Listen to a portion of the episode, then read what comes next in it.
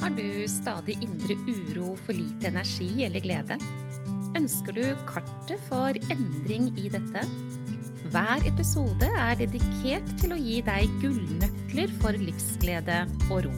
Du får strategier og innspill som hjelper deg fra nedstemt til oppstemt og fra uro til ro. Vil du ha en gratis oppskrift for å lage deg gode dager? Gå til www.gayabalanse.no for din herlige morgenrutine. Denne episoden skal handle om eh, dette med betydningen av ditt hvorfor.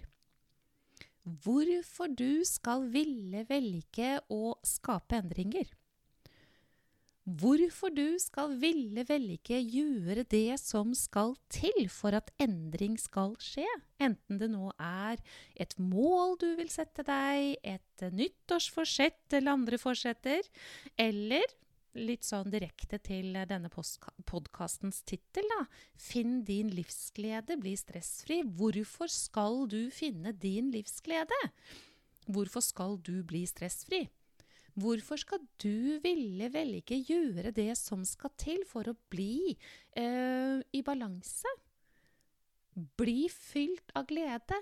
Være et menneske med passe mengde energi. Være et menneske som sover godt, være et menneske som restituerer, være et menneske som har et jevnt overskudd, være et menneske som er, ja, som er tilfreds med livet, rett og slett. Hvorfor skal du velge gjøre det som skal til? Vet du, bli med meg gjennom denne episoden. Dette er viktig for så mangt. Og temaet blir jo da ditt hvorfor, nærmest med store bokstaver. Vi har nok, eh, både du og jeg, jeg har det i hvert fall, og antageligvis også du, at antageligvis så kjenner du deg igjen i det. At du har ønsket deg forandringer på noen ting. Du skulle ønske noe var på en annen måte, og så har du kanskje gått i gang med å, å finne ut av hvordan du skal få det til og sånn, og så oppdager du at nei, det gikk ikke så bra. Det kan jo f.eks. være sånn typisk nyttårsforsetter, da. For eksempel eller sånn mandagsprosjekt, ikke sant. Man kommer til helga, så gikk det gærent igjen da denne uka. Det ble ikke den treninga du kanskje hadde ønsket deg, og ikke ble det ikke sukker, og ikke ble det sånn, og ikke ble det sånn. Men det kommer jo en ny mandag, eksempel. Eller tirsdag eller onsdag, eller hva det måtte være. Men poenget er bare det at hvis du ikke har klarhet og veldig tydelighet i ditt hvorfor du skal skape endringen, eller egentlig bedre sagt hvorfor du vil skape endringen, så er det veldig, veldig stor sannsynlighet for at du har mekanismer i deg. Og ikke fordi det er noe rart med deg, det er rett og slett fordi du er et menneske, så gratulerer med det. Mekanismer som vil sabotere for deg. Og det er rett og slett fordi at det sporet du går i og har gått i over tid, det er det sporet som hjernen din er vant med. Og det er nå engang sånn at for mennesker så er dette med, med, hva man er vant med, det er det trygge, det er det vi ramler tilbake i, det er det som opptar oss, det er det vi får servert, og det er veldig mye lettere å være der. Hadde endringsprosesser vært enkle, så hadde jo ingen av oss strevet med verken det ene eller det andre. Det hadde, hadde, ikke vært noe tema. Vi hadde bare bestemt oss for at ja, nå gjør vi det på den måten, og så blir det på den måten, og så er det én, to, tre, ferdig med det. Men sånn er det ikke. Og vi kan ønske og ønske og ønske, og vi kan mene at vi jobber for det også, men har vi ikke en veldig god grad, eller en høy grad av bevissthet i forhold til de valg vi tar underveis her, så kan det nok hende vi bare må se oss i bakspeilet og si at æ, jeg, jeg har ikke gjort det jeg trodde jeg skulle gjøre, eller tenkte jeg skulle gjøre. Så hvis endringsprosess skal skje, så må dette hvorfor være veldig, veldig tydelig.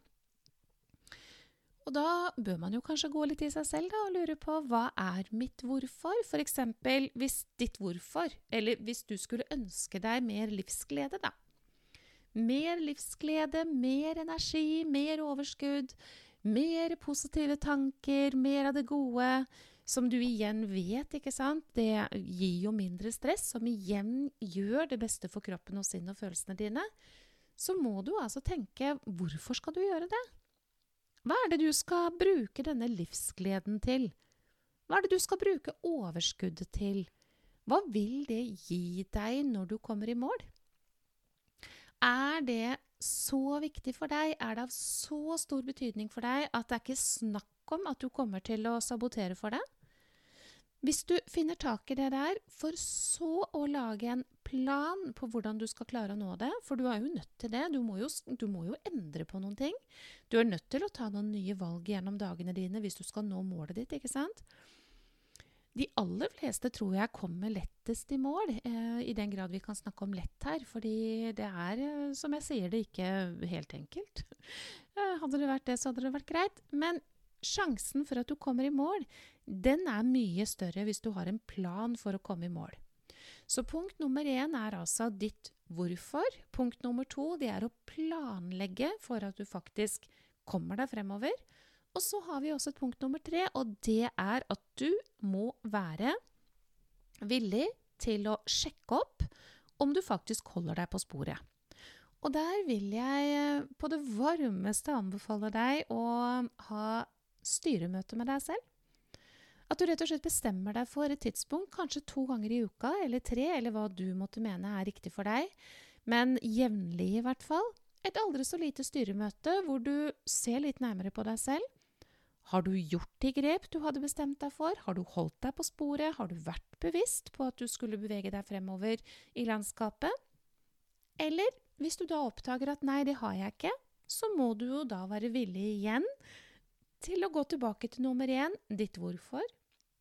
Nummer to lage prosjektet. Og nummer tre ha et styremøte igjen ved neste korsvei, hvilket du allerede har avtalt. For eh, dette med å sette ditt hvorfor, det er jo det samme som å bli bevisst. Øke bevisstheten, ja, det er fint, men i og med at disse sporene våre som har ført oss en annen vei, er veldig, veldig dype, så kan vi ikke bare regne med at vi får den bevisstheten fra oss selv hvis ikke vi holder oss selv på sporet. Så punkt nummer én, det er ditt hvorfor. Det skal være sterkt og klart og tydelig. Virkelig. Hva får jeg? Hva skal jeg med dette? Hva vil det ha for slags betydning for meg og andre mennesker jeg er glad i? Kan være veldig gode spørsmål å stille seg der. Punkt nummer to planlegge for å få det til. Hvordan skal du gjøre det? Kanskje du rett og slett må ha en prosjektplan? og punkt nummer tre, det er å ha styremøte med deg selv, hvor du sjekker opp at du gjør det som du hadde bestemt deg for. Og hvis du da oppdager, som jeg sier, at du ikke gjør det, ja vel, da må du gå inn og gjøre justeringer. Da starter du igjen på nummer én. Integrerer igjen kontakt med hvorfor. Setter opp planen og har styremøter. Og jeg tror ikke det finnes andre metoder. jeg tror ikke det finnes andre metoder enn å øke bevisstheten, planlegge for det og holde seg selv i nakken og sørge for at man kontrollerer seg selv. Her er jo egentlig dette ordet som jeg ikke er så glad i, nemlig kontroll. Det er positivt lada fordi du ønsker å oppnå et mål. Og så lenge du bestemmer deg for at du skal holde deg på det sporet, og du sjekker ut at du gjør det, så blir det positivt, og da er det OK med kontroll også. Så ja, mer av det som gjør deg godt, det er veldig, veldig lurt. Kanskje du skulle ha et lite prosjekt som uh, inkluderer bruk av gaven jeg veldig gjerne gir til deg, din herlige morgenrutine, som du får på GaiaBalanse.no. Det ville være et veldig lurt sted å starte dersom eh, helsa di er viktig for deg, dersom du ønsker mer livsglede, mer kraft, balanse, flyt, energi, det som er bra for deg i ditt liv, og som selvfølgelig også gjør at det kommer andre mennesker til gode. Ha det!